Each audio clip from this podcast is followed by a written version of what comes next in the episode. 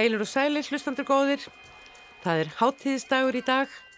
21. desember fyrir nákvæmlega 90 árum var í fyrsta sinn sendt út regluleg dagskrá frá útvarstöð Íslands í Reykjavík.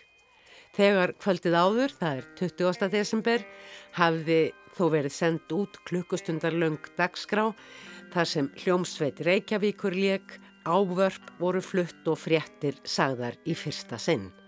Dagskráni laug svo á því að útvarskórin söng þjóðsöngin. Útvarstuð Íslands í Reykjavík sem síðar varð útvarp Reykjavík og enn síðar Ríkisútvarpið og nú RÚF og HF var strax í upphafi hugað mikið og vel að bókmentum og það er engum blöðum um það að fletta að útvarpið er með flutningi á skáldskap, ljóðum, jamt sem sögum á þessum 90 árum mikilsvæður þáttakandi í bókmyndasögu Íslandinga. Meira um það hér rétt á eftir. En það verður líka í þættinum hugað að nútímalegustu leiðinni til að koma bókmyndum og skaldskap á framfæri. Fyrir rúmri vikun ánar tiltekið þann 12. desember átti sér stað, en þó engan ákveðin stað, alþjóðlega ljóðaháttíðin Suttungur í fyrsta sinn með þáttöku 11 íslenskra skálda og sex skálda frá öðrum löndum. Og það sem meira er, þessarar háttíðar má enn njóta þar sem hana hvað raunverulegast mátti upplifa nefnilega á alnettinu. Við heyrum brot úr flutningi skáldana og ljóðum sínum og ræðum við skipulegjandan Ástufanniðu Sigurðardóttur, ljóðskáld og myndlistamann. Allt er saga, um leið og sett hvað gerist hér og nú og svo aftur og aftur eftir þörf og áhuga.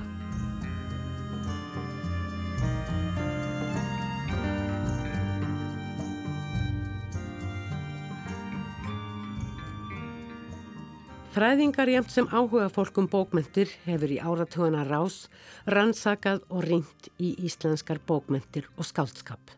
Greint og borið saman form og frásagnarhátt skáldverka, sameinlega einkenni höfunda og áhrif þeirra hvers á annan. Intak hefur verið gömgeft sem og viðtökur lesenda. Verk og höfundar hafn upp til skíjana og steift af stalli. Skilgreint ákvarðað og endurmetið út frá ólíkum forsendum á ólíkum tímum. Bókmentaverk hafa fallið í gleimskunar dá og önnur verið grafin fram.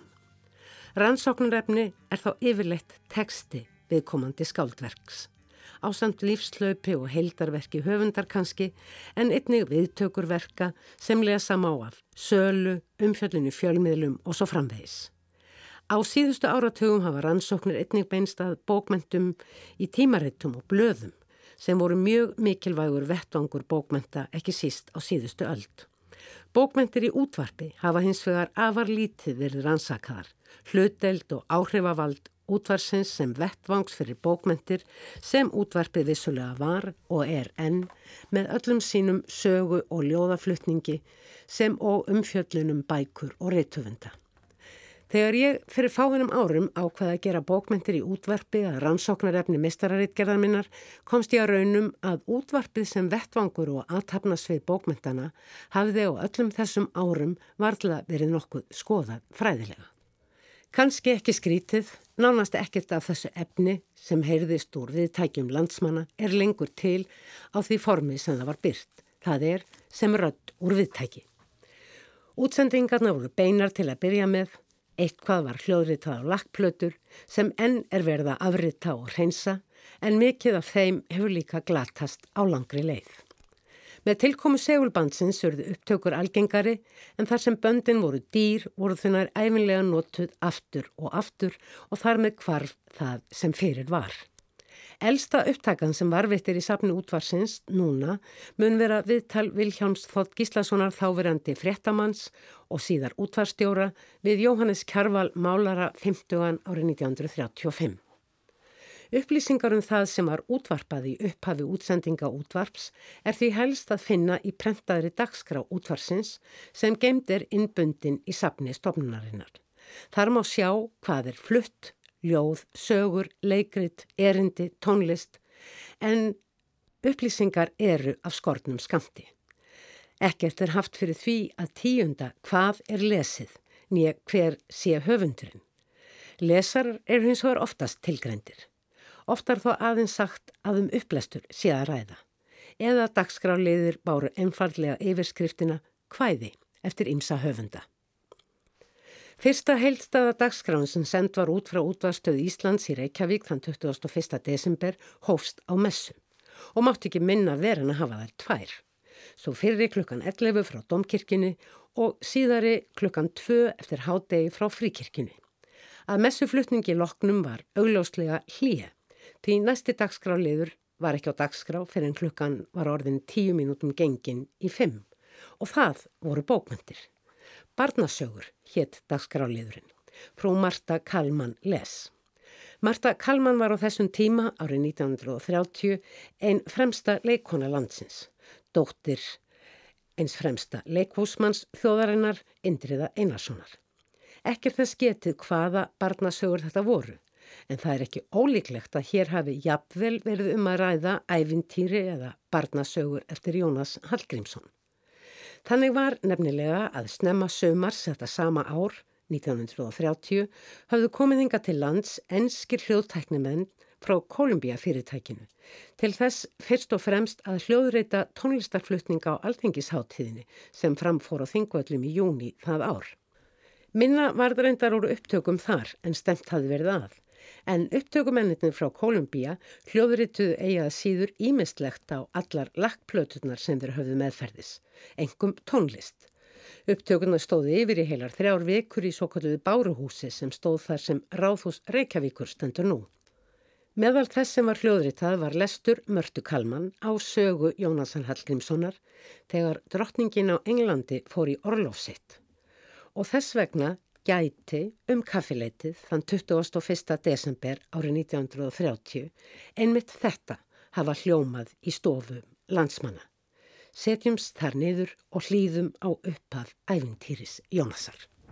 Einu sinn á dögunum þegar drottningin og Englandi var að borða litla skattin því hún borðar æfinlega litla skatt. Þá kom maðurinn en út í skemmu að bjóða góðan dag. Guð gefið þér góðan dag, heilin, sagði drottningin. Hvernig er veðrið? Maðurinn drottningarinn neyði sig og sagði Hann var regnilegur í morgun en nú bestur upp. Ég let taka saman og sá má binda þó að þú farir. Allar þifrum í dag gerska. Já, sagði drottningin. Hann neyði sig þó aftur og sagði Já, ég var þó að flýta mér og fara að láta segja hestana. Gerðu það, sagði hún. Nú fór drottningin að búa sig því hún allar í orlof sitt yfir á Frakland að finna kung og drottning og fleiri kunningja. Hún var með gull skó í sylfursokkum og sylfurbryttu gullpilsi með gullsvindu og ofan í gullaðri sylfurtreyju með sylfurhúu og gullskúfi. En þetta gull og sylfur er allt eins og armavefur og léttara en fís og þó hlýtt. Þjónustunna voru líka vel búnar því þær fóru með eins og vandir þegar drottningin ferðast. Þegar drottningin var komin út á hlað var allt tilbúið. Hestarnir og fylgdarmenninir og ráðgjafarnir og orlofsgjafinnar á sex hestum í sylfurkoffartum og teimdi sinn kammerherra hvern hest. Þar voru líka ferðinni barónur og köpmenn og margt hvem fólk fyrir auðvitaðan þjónusturnar og nógir meðriðamenn og lestamenn og allt var vel búið. Drottningin reyð gullpappu. Það er gulltekstur gæðingur, sirkibleikur á lit og hefur verið keftur langt sunnan úr heimi. En maðurinn hennar reyð rauðum gæðingi sem hann á sjálfur. Fáði mér keri með gæskasöku drottningin og maðurinn hennar neyði svo að fjekk henni kerið. En það var gull keri með sylfur, holkum og lísugulsnúð á endanum. Og svo var það á stað. Á eftir barnasögunni var á dagskrá Grammofón sem bendir til að hér séum dagskrárliða að ræða þar sem tónlist er leikin af hljómplötum. Síðan tóku við veðurfregnir og síðan aftur upplestur. Því miður er þess ekki getið í dagskrá hvað Jón Pálsson las á þeim 20 mínútum sem þessum dagskrálið var ætlaður tími, áður en tímamerki hljómaði og þölur væntanlega kynnti organleik Páls Ísólfssonar en þar leik Pál meðal annars gotneska svítu eftir Leon Böllmann.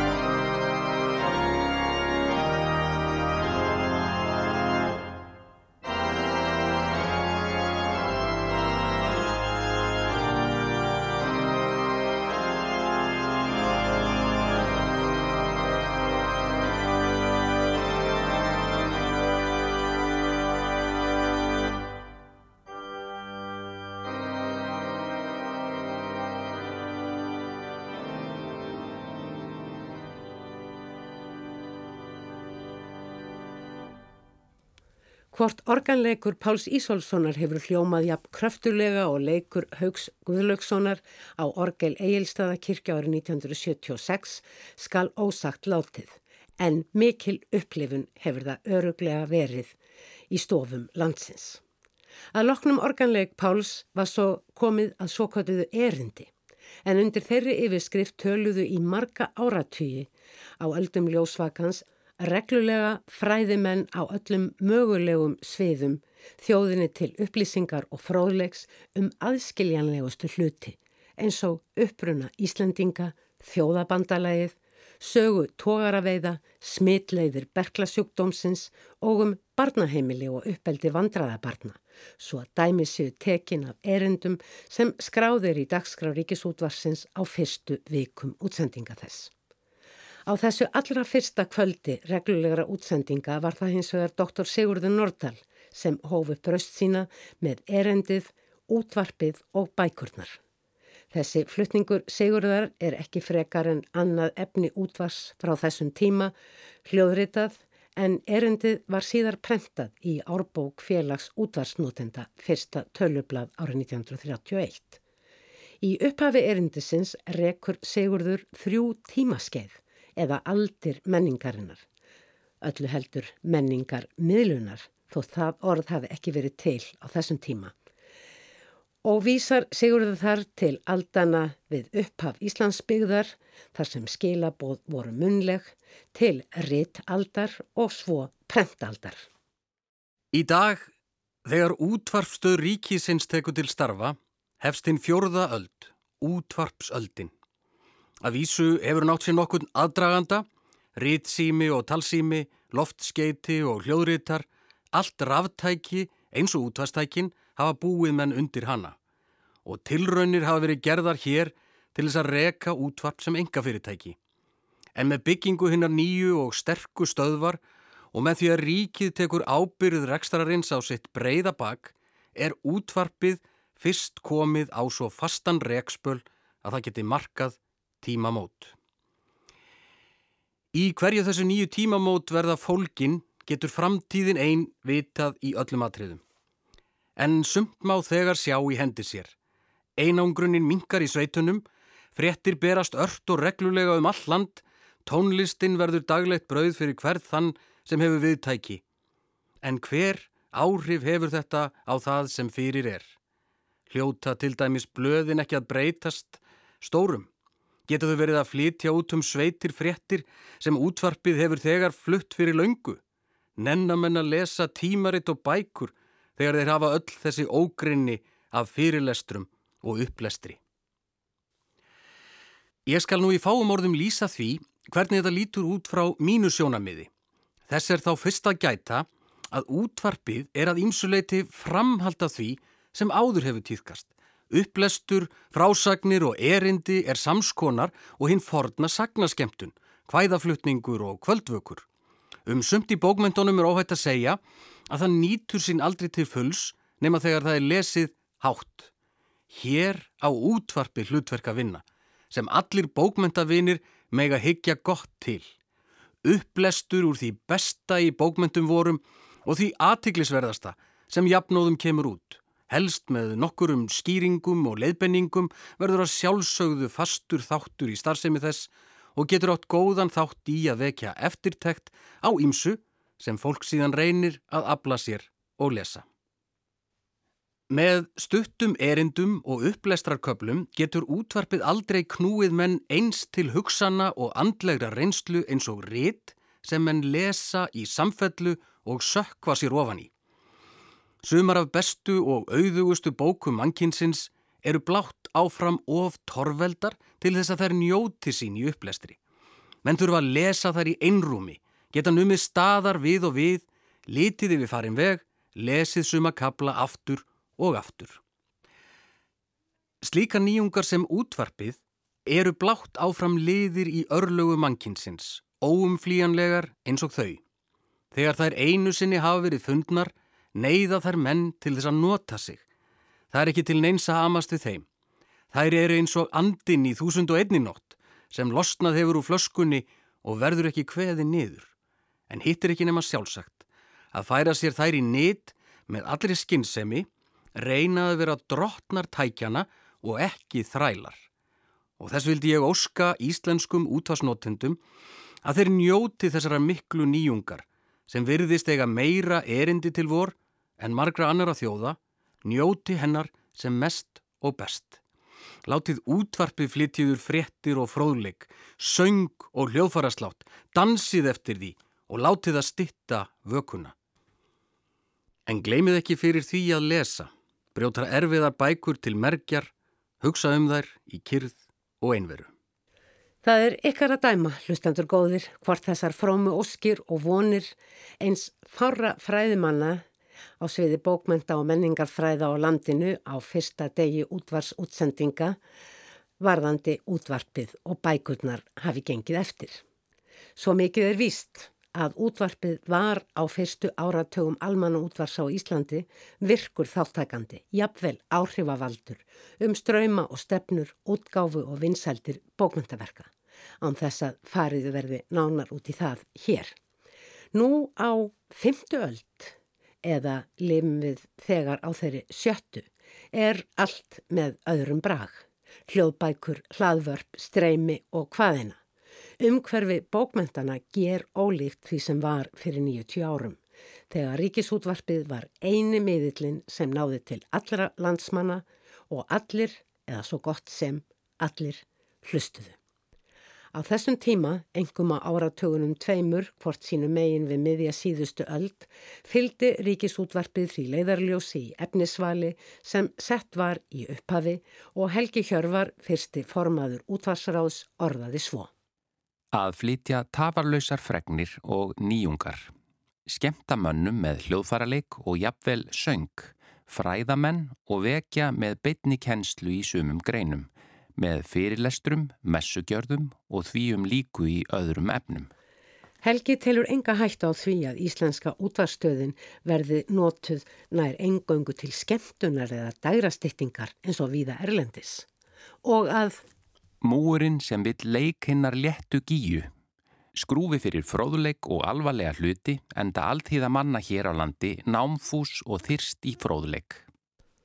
En líka, saði Helgi Hjörvar enn fremur, vegna þess að Íslenska stöðin mun vissulega verða rekin sem menningarstofnun fyrst og fremst. Doktor Alexander Jóhannesinni sem átti fyrir hönd háskólans einning sæti í útvarsráði var sömu skoðunar og helgi og sagði útvarstöðina íslensku mundu Kappkosta að útvarpa góðum fyrirlestrum, engum um íslenska þjóðhægi, bókmentir, sögu og vafalust gefa íslenskum stjórnmálamönnum með jafnri skiptingum millir flokkana tækifæri til að ávarpa landslýð við og við.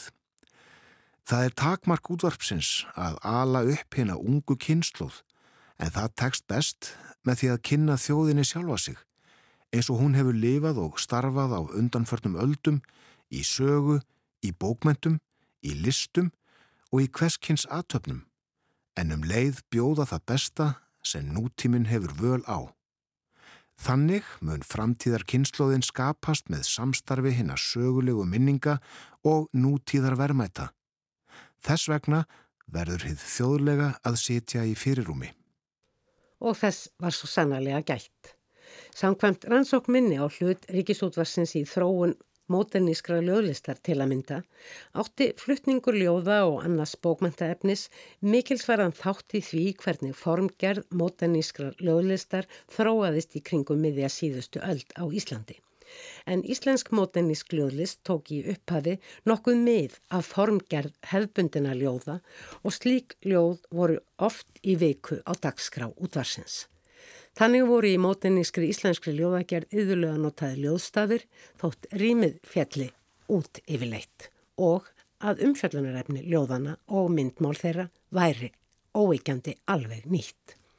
Eftir því sem best verður séð á dagskrá útvars fóru hlustendur í anda orða Helga Hjörvars og doktors Aleksanders á fyrstu áratugunum nokkuð einhliða aldir á fornum kveðskap og sögum, húsgöngum, þulum og auðvitað náttúru og ættjarðarljóðum þjóðar sem á þessum tíma stóð mitt á milli fullveldis og sjálfstæðis. Henni nýju ismar, sem svo voru kallaðir, voru enda ekki fyrirferðamiklir í dagskrá útvarps og útvarpið leiti algerlega hjá sér allar deilur um þið nýja ljóðform, þar sem gaggreinin snýrist engum um að hennu eiginlega í íslenskum bókmentum væri ekki tillýðileg verðing syngt. Það gerði ríkisútvarpið hins vegar afar vel og í dagskrá Ríkisútvarsins sér hinn að nýju ljóðagerðar varðla stað fyrir henn tekur að hylla undir sjötta áratug síðustu aldar. Það var útvarsráð sem valdi hvað var lesið og hver. Skáld og reythöfundar ímest bönguðu upp á eða mennur útvarsráðu höfðu heyrt af óskum þeirra eða jáfnvel hitt á förnum vegi og útvarsráð valdi greinilega helst hið gamla og góða. Guðmundur Freyðjónsson skáld frá Sandi í aðaldal var rúmlega 60 þegar útverfið sendi út í fyrsta sinn og hann lést 14 árum síðar. Hann virðist jafnaðarlega að hafa gert sér ferð í landsímahúsið þar sem útvarpið var til húsa til ásins 1959 og bóðið sig fram að lesa bæði ljóð sín og sögur. Þótt aðeins fátt af því sé varðitt. Í raun held ég að sé aðeins tvö ljóð til í flutningi hans sjálfs og fjallar annað um styrjöldina á spáni og hefur oft verið flutt á tímamótun sem þessum, hitt er höstljóð. Nú fölnar lingbrekku fögur kinn. Nú fölnar lingbrekku fögur kinn og þögg er hugsi um útvegsinn. Hann þekkir torleiði votra vega og varpar öndinni mæðilega að heimann býr sér í þagnar þeir, hvert þröstur borin á garðas eið. Þeir geima í skóonum gíur sínar og grípa til þeirra að vori er þínar. Og foss af lind hefur fengið hver, hefur þýpast báðum að tóna stef og hljóða í afkema sálu setur er sunnu lágengi skapar vetur. Þá hélar framannið háfa berg og hljóðnar vænt ég um söngvatverg og bragan áfrænda brúnir síga er búa finntussa sig til víga. Er gæs og heilóa greiða ferð til góðsenn landa ég órór verð. Á styrðum fót leggjum stikla móin og starri vot eigur suður á bógin og Guð Ég áminni að gæs og ló sé gefin hart heldur býrum sjó en vekið hvor aðra vinur mínar að vitja um garðas eitt strax er línar. Því ykkar vorkvæði eru snjöpp og óma um hálendi og blómsturvöll. Á þessu landi er þörfin mesta á þjóðsöng háflegra kátra hjarta. Árið 1942 var upplestur Huldu, unnar Benediktsdóttur Bjarklind á fáinum ljóða hennar hljóðritaður á lakkplötu og hefur þá vantanlega verið á dagskrá um svipað leiti. Hulda yrkir í ljóðinu Morgunljóð um vorið, hér loka erindi ljóðsins. Krummi, hann er vitur, í vetur ég sá, hann verið að stríða hundunum sem ætluði hann að ná. Hann lést alltaf geta lift sér yfir svell og lupi hljópa eldan en fjekk henni með skell. Því flughallt var undir og yfir krummi hló. Á, ertu ekki búinn að fá að leiknum nóg, krung, krung og seppa hans sundur í háði dró. Nú hætti ég krummi minn að hugsa um þig því hlákan og lækinnir er að kalla á mig og farfuglanir eru fallegri en þú þeir fljúum allt og sumir ætla að reysa hérna bú.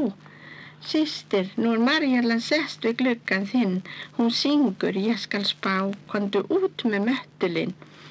Sistir opnar gluggan og segir hýr og góð, sæl og blessuð velkomin, ert ekki skjelving þreytt og móð. Mári alla mín mín, hvar hún svala sýstir þín? Ég skal gefa þér möttul blá ef þú vísar mér á hvar ég vera á. Í vor og í sumar, í vetur og haust, í vor og í sumar, í vetur og í haust.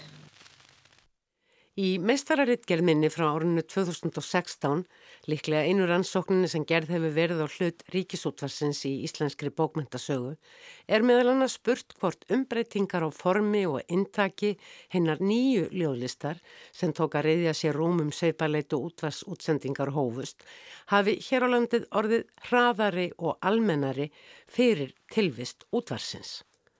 Í raun verður ekki úr þessu skorið með óíkjandi hætti en telst líklegt á þess að hægt sé að fara nánar út í það hér og nú og þrátt fyrir að ekkert samanburðar efni sé til staðar.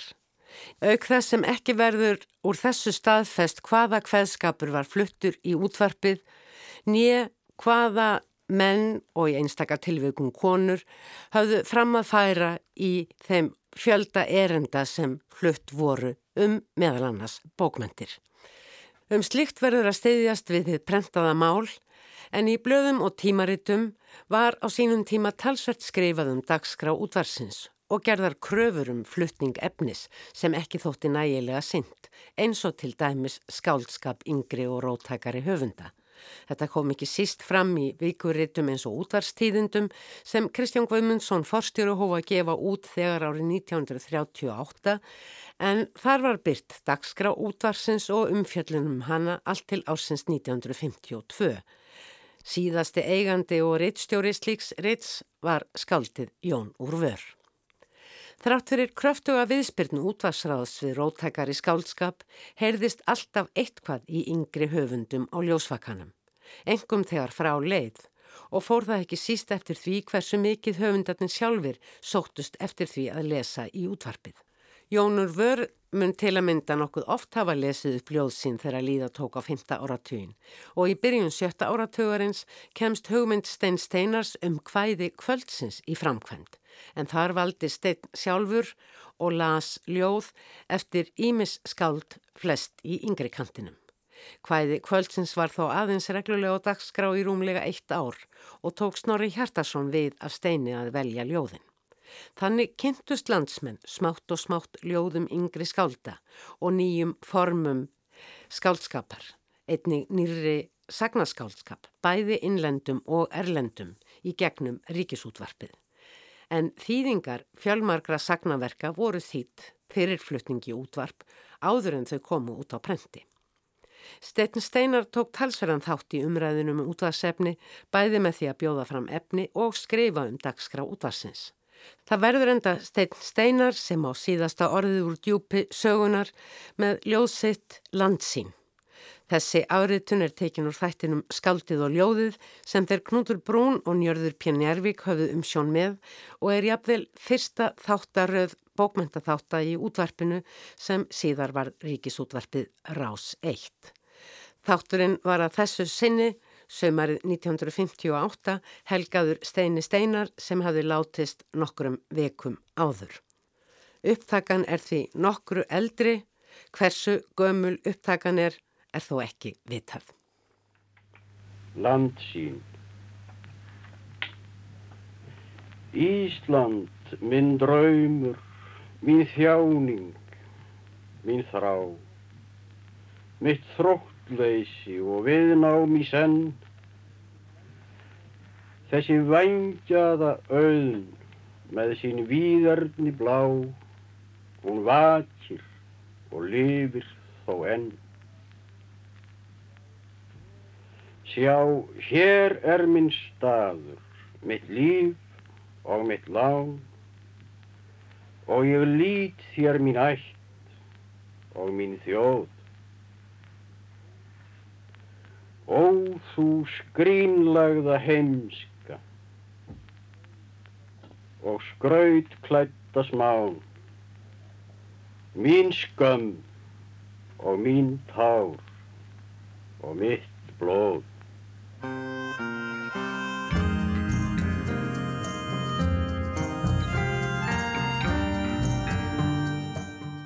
Um síðustu helgi, nánar tiltekið 12.12.2020, var haldinn alþjóðlega ljóðaháttíð, Suttungur. Engun veginn vantar eitthvað í þessa setningu. Hér er viðburður, dagsettur og jú, það hefði mótt bæta við tíma, viðburðun hófst klukkan 5, tíðan lögardag. En hvar fór viðburðurinn fram? Jú, auðvitað er þú hlustandi góður búin að átta þig á því að ljóðaháttíð þar sem ljóðskáld koma saman og flytja ljóðsinn frammi fyrir áhórandaskara rúmast ekki innan ramma hins mögulega á nákvæmlega þeim tímum sem við lifum núna og alls ekki með alþjóðleiri þáttöku eins og gefur að skilja nú þegar enginn flýgur neitt. Ega síður fór slíkur viðburður fram, það er alþjóðlega ljóðaháttíð lögardaginn 12.12. með glæsi brag og auðvitað var staðurinn einfallega allur heimurinn í gegnum hið allræmda internet. Hvert af öðru byrtust á skjánum skáld hvaðan æfa af eins og til dæmis Alessandro Burbank. Da qualche tempo, davanti agli schermi sempre accesi, ben geolocalizzato e posizionato, mi domando se sono un artista o meno. Se sono un poeta.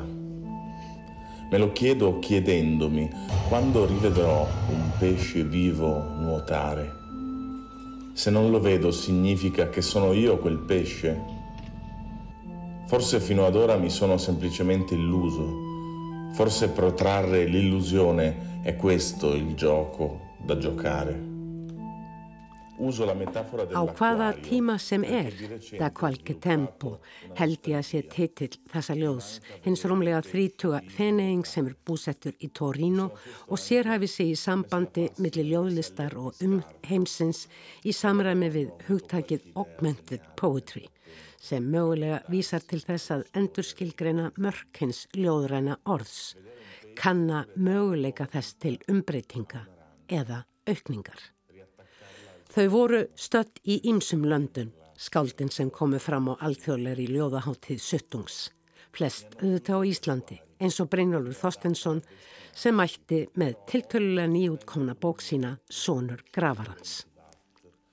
Komið í sæl.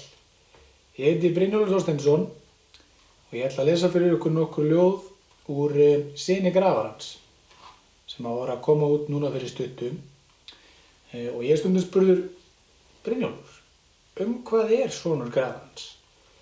Þá er gott að snúa bókinu svona við og lesa baksíðutekstin. Á tímum sem þessum er ágætt að huga þess að eftirlífinu. Setjast niður í ró, styðja hönd undir kinn og huga þess að eftirlífinu.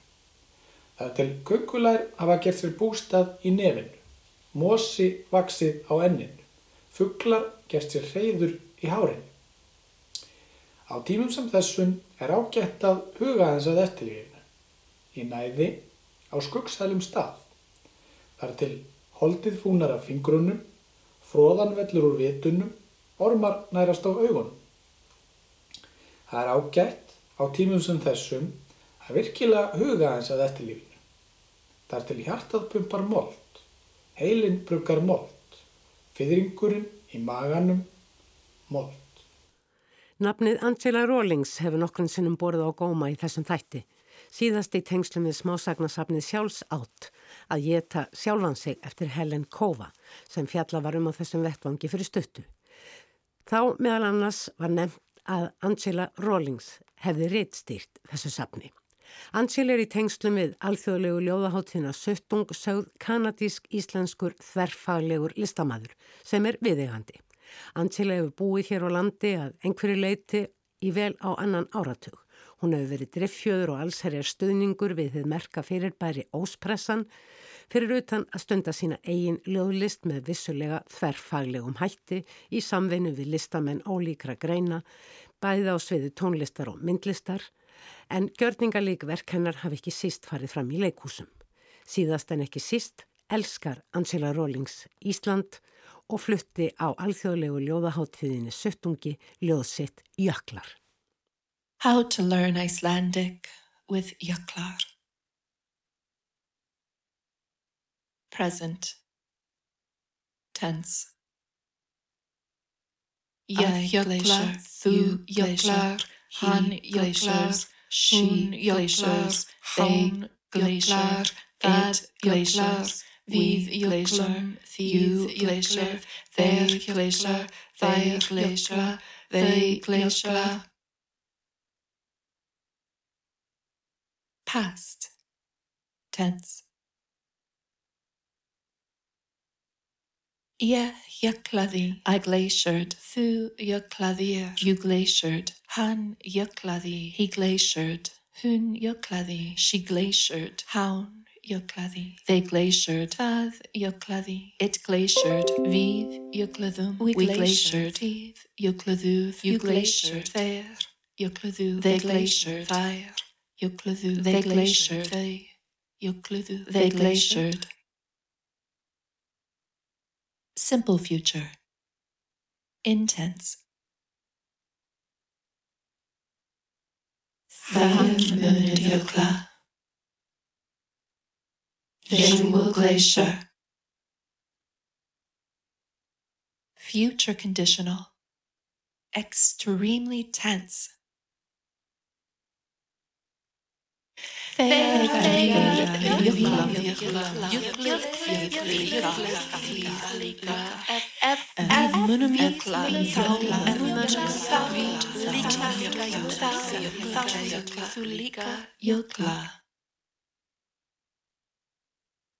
Imperative imperatives. Euclid. Euclid.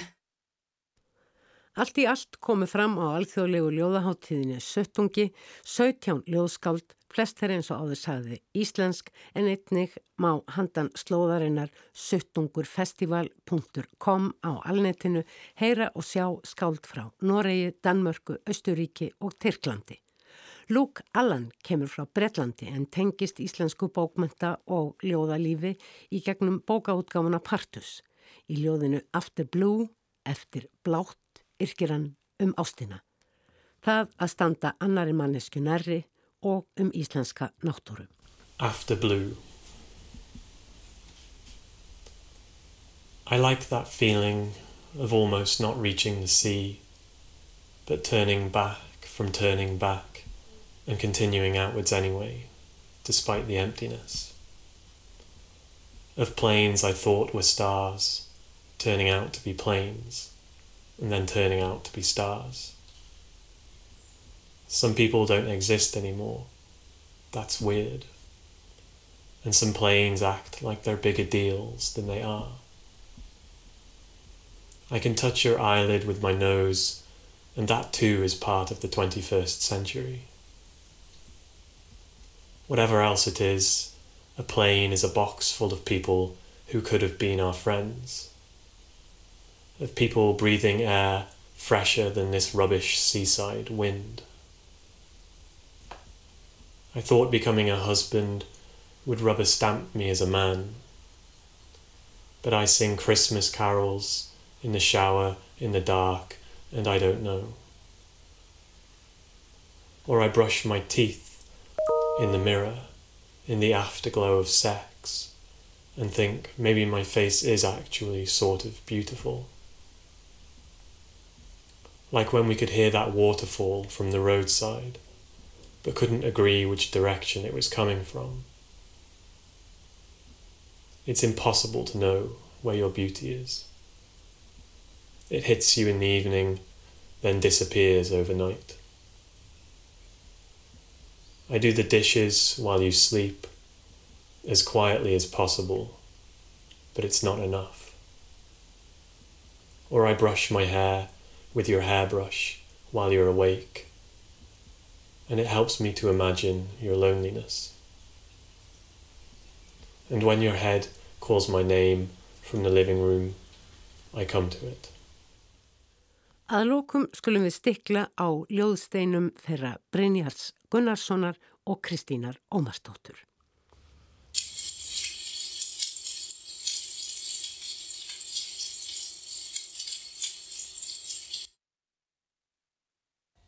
Smásteinar á glugga Öglokk kippast til og þú hrekkur. Þetta er ekki výbringur, ekki haglél. Þú tekur skref, horfir á mig kasta, segir hæ. Silfur er silfrað, gullið gilt, sandur, sandur, satt, satt, ekkert, ekkert, allt, allt. Ég kann að tengja hugtök og liti og þekki frumöfnin. Allt er sem sínist, vatnið vatn, ránt, ránt, nóttið nótt, flísarnar á baðherbygginu í nótt, flísarnar á baðherbygginu í nótt, ný uppgert. Allt ræðast upp, rétt eins og orðflokkanir. Og söngurinn brotnar ekki, brotnar ekki, hann brotnaði en hann brotnaði ekki. Kúlan í borðspilninu ratar, endur tekið heim, endur tekið á misjöfnum og staðföstum hraða, ratar og ratar og ratar heim. Ég ver þetta land með blóði mínu og skömm. Ég hitti Ástufanniðu Sigurðardóttur aðal driffjöðurina í þessari alþjóðlegu ljóðaháttíð. Hvernig gekk þetta? Hvernig var þetta? Þetta gekk vel. Þetta gekk eiginlega vonum framar vegna þess að hérna, við vissum ekkert hvernig viðtökur uh, viðtökunar erðu í rauninni og uh, hvernig, já líka bara hvernig skaldin myndi taka í þetta að, að, að gera þessa háttíð og gera hana á netinu og, og gera hana þannig sko allt öðrum sér heldur en þetta var sko planað. Út af faraldrinum og þá ákveða að hafa þetta á netinu og ákveðum líka að opna þess fyrir sko fólk að náttúrulega bara tekið upp heim í stofu, það að vera að lesa en líka opna fyrir þú veist að þetta er náttúrulega bara þetta form, videoform sem er allt annað heldur en að mæta á upplöstur eða, eða þú veist vera já, með einhvers konar upp á komu sem er í personu Sum skáldi notfærðu sér það og þau voru kannski sjálf ekkert í mynd heldur voru með ýmsar annars konar myndir eins og Ítalinn sem að síndi svona ýmislegt sem að hann var greinilega að ræða um í sínu ljóði, svolítið hljóð með og svo framvegis. Og Ragnar Helgi settu nú bara upp hauspoka beinleginis. Já, ymmið, það var, sko, það var opnað fyrir sko það sem fólk vildi gera. Af því að þetta er rauninni bara um ljóðið og ljóðið getur tekið á sig svo mörg form og það er líka að, að sko gera tilrunni með það og opna fyrir veist, þann heim er svo ótrúlega spennandi mm. og ótrúlega spennandi fyrir kannski skald sem að hafa ekkert endilega gert það og, og, og fylgja bara ljóðinu eftir sko, þú veist, hvort sem er að taka mynd af því eða hafa einhvern lit eða ymmit, þú veist, já, setja einhvern svona búning, setja ljóðið hvað ljóðið vill vera, hvernig það vill vera lesið upp eða hvernig það vill vera sett fram sko. það eru er svo margir möguleikar og það er svo, það er svo mikilvægt að hlusta á ljóði hvert það vil fara og hvað það vil gera þannig, þannig að þessi tilraun sko, að hafa þetta svona og opna fyrir þennan möguleika að gera sko, myndbandið að bara einhverju öðru. Mér finnst það mjög svona mikilvægt núna að gera eitthvað svona sem að maður fær svona ferskan andblæ eða þú veist, eitthvað svona. Aðra tengingu. Já, aðra tengingu við líka við ljóð svona brítur eitthvað upp og, og hérna ekki það þú veist að ljóð get ekki verið í bókinni sko en það er líka gott að setja það líka í annan búning og sjá bara hvað gerist gerist fyrir ljóðið og, bara, og, og hvað er í gangi og hvað, hvað getur gerst. En nú man ég sko eftir alþjóðlegum ljóðaháttiðin á fyrsta áratu þessarar aldar og rétt fyrir aldamót nýhilgæxt fyrir nokkrum og, og svo framvegis að þetta var mikið fjör og það var mikil dýnamikk og uh, svona mikil tengslamyndun líka mikil skálda frá ymsum löndum og svo framvegis.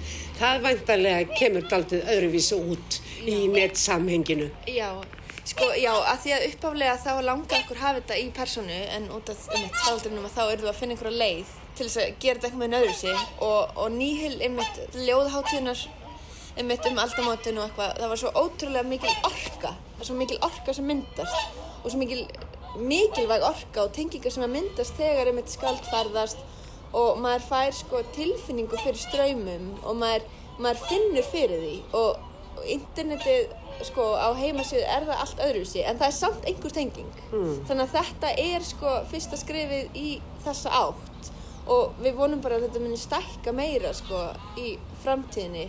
Og taka á sig líka bara allt aðra myndhús þegar það má ferðast og þegar skalt með að koma. En þetta er eitthvað svona, þetta er allavega eitthvað svona skref sko í áttina að einhverju, einhverju mjög spennandi sko.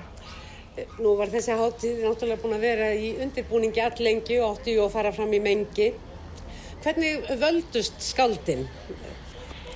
Um, já, það komið svo ótrúlega langur listi af skaldum og, og bæði hér heima og líka úti að það var þeirra að setja þetta saman í einhvers konar holl og þetta er unni fyrsta holli sem að og reynda að velja sko skald sem eru frekar ólík og skrifa ólíkt og hafa aðra tengingar og önnur, að þú veist, aldurspilið er náttúrulega bara alls konar þannig að það er verið veist, að reyna sko að já, taka svolítið svona vítt og breytt og setja saman í eitthvað sem getur verið áhugavert. Þannig að það er ekki eitthvað mikið að því sama í gangi. Og, og næst ári þá erum við líka með svona, svona svipað sko hérna aldurspilið og, og, og líka bara hvernkins og karlkins og mm. allskins þannig að já þannig að þetta er svona þetta er svona samsetning sko að, og líka að vera sko að setja þetta saman að vera að stýra, stýra þessu á einhvern hátt sem að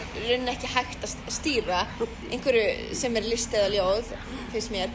En það er að því að maður vissi ekki hvernig myndböndun komið út að því að maður valdi bara skaldinn þú veist við veldum bara skaldinn og svo, og svo veit maður ekkert hvað kemur út úr myndbandinu eða hvað kemur út úr þessu og, og hvort að sé einhvers konar tilröðnakent eða bara mjög höfbundið og bæði mjög skemmtilegt sko. Þannig að maður var líka í óvissinni mm. hvað myndi koma. Þannig að það sem maður var að velja vissi maður ekki alveg hvað maður var að velja. Þannig að það er líka mjög áhugavert að sjá eitthvað sem að maður er bara já þetta er mitt hérna er allt annað en í björstu við sko. Þannig að það er mjög spennandi að líka upplifa það sem áhörandi og þú talar um Suttung uh, á næsta ári. Suttungur er sem sagt hann er komin til dvalar um einhverja hríð. Ég vona það. Ég, ég held að það verður að vera. Við erum búin að fá svo frábæra viðtökur mm. að hérna, ég held að fólk sé bara spennt fyrir þessu.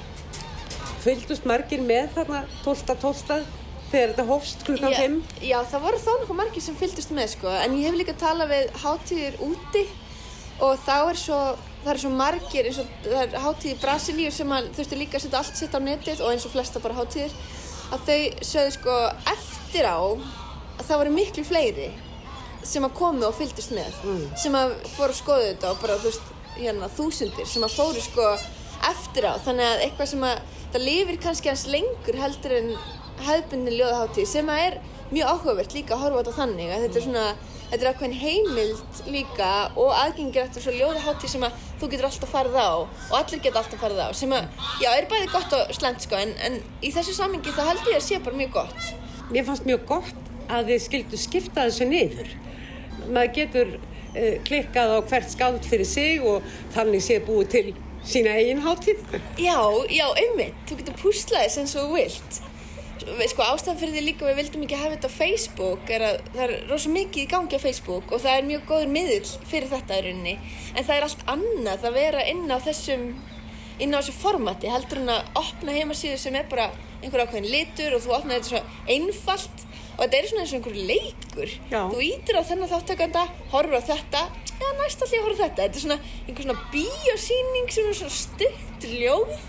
Þetta, þetta er rauninni eitthvað svona í rauninni eitthvað nýtt sko sem er, mér finnst mjög spennandi og, og hérna held ég minni þjóða ljóðinu mjög vel og, og þessari senu líka mm. mjög vel að því að þetta er eitthvað svona já sem að þarf að vera held ég sko, ég vona það líka að, þú veist við fáum líka styrki fyrir næsta ár til þess að gera þetta be, veist, betur og gera þetta starra Kanski bæði að hittast og að hafa á netinu. Já, kannski, já. Mikið veit meira. Já, bæði að hittast og að hafa á netinu. Fá kannski erlend skál til þess að koma hingað mm. ef að hérna veira leifir geta mynda þessar tengingar og líka vinna með ljóðið á þann hátt að því að núna er eiginlega ekki hægt að fara tilbaka sko.